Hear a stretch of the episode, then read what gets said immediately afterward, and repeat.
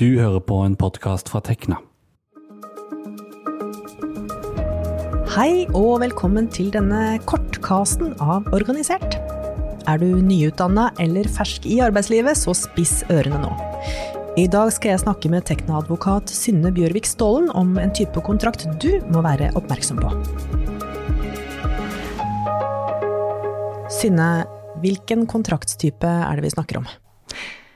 Vi snakker eh, nå om særlig uavhengig stilling, såkalt særlig uavhengig stilling. Og det er en type stilling som man kjenner igjen når man blir presentert en kontrakt, eller står det liksom i kontrakten at dette er en særlig uavhengig stilling? Ja, det kan variere litt. Hovedregelen er jo at de fleste har krav på overtid og, og er omfatta av eh, et kapittel om overtid i arbeidsmiljøloven, men så er det noen unntak. Og ett av de er dette som heter særlig uavhengig stilling.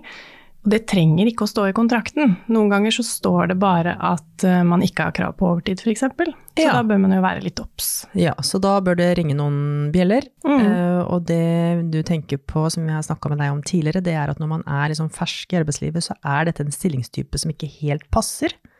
Det er riktig. Eh, Vi er litt opptatt av det, for det, det, det, dette trenger jo ikke å være lederstillinger direkte, men, men det er jo oftest overordna, altså selvstendige stillinger. eh, Gjerne arbeidstakere som har vært noen år i arbeidslivet. Eh, Ja. Men hva er da utfordringen med å få denne stillingstypen når du er bare har jobba kanskje noen få år eller er helt fersk? Nei, det er jo altså For at man skal være, ha en særlig uavhengig stilling, så er det jo krav til selvstendighet i den stillingen. Og den selvstendigheten, den kan knytte seg til hva man skal gjøre i jobben sin, f.eks. Uh, det at man er faglig selvstendig osv.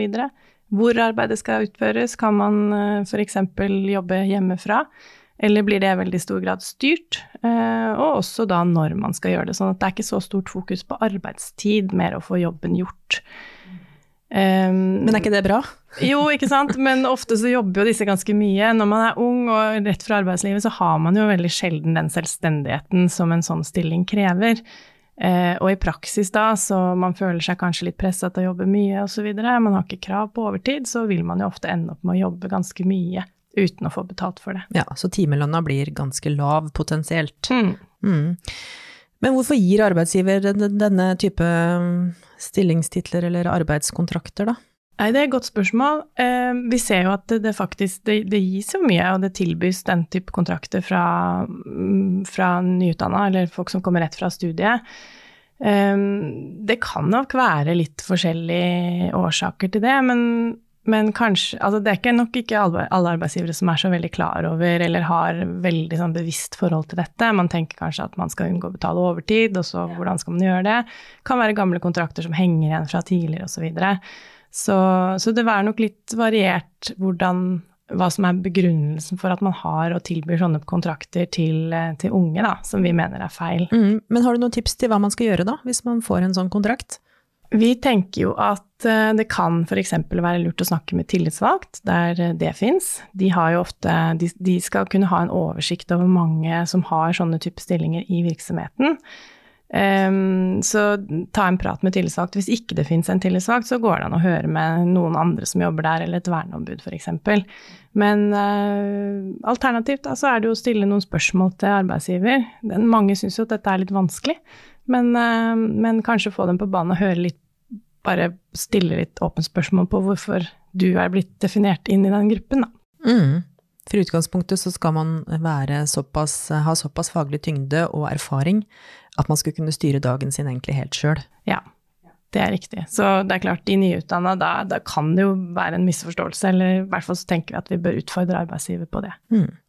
Så hvis du som lytter eh, kjenner deg igjen her, så, og ikke har skrevet under kontrakten ennå, men tenker at det, kanskje er en sånn type kontrakt man vil få, så kan man ta en sving innom en jurist, f.eks. i fagforeninga si, Mm.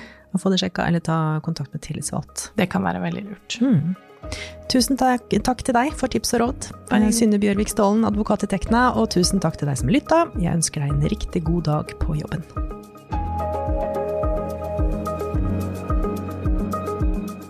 Dette har vært en podkast fra Tekna, en fagforening for deg med mastergrad i naturvitenskap, realfag eller teknologi. Les mer om oss på tekna.no. Programleder var Vibeke Westerhagen. Reporter Sondre Tallagsrud, og teknisk ansvarlig var meg, Andreas Kili Grenasberg.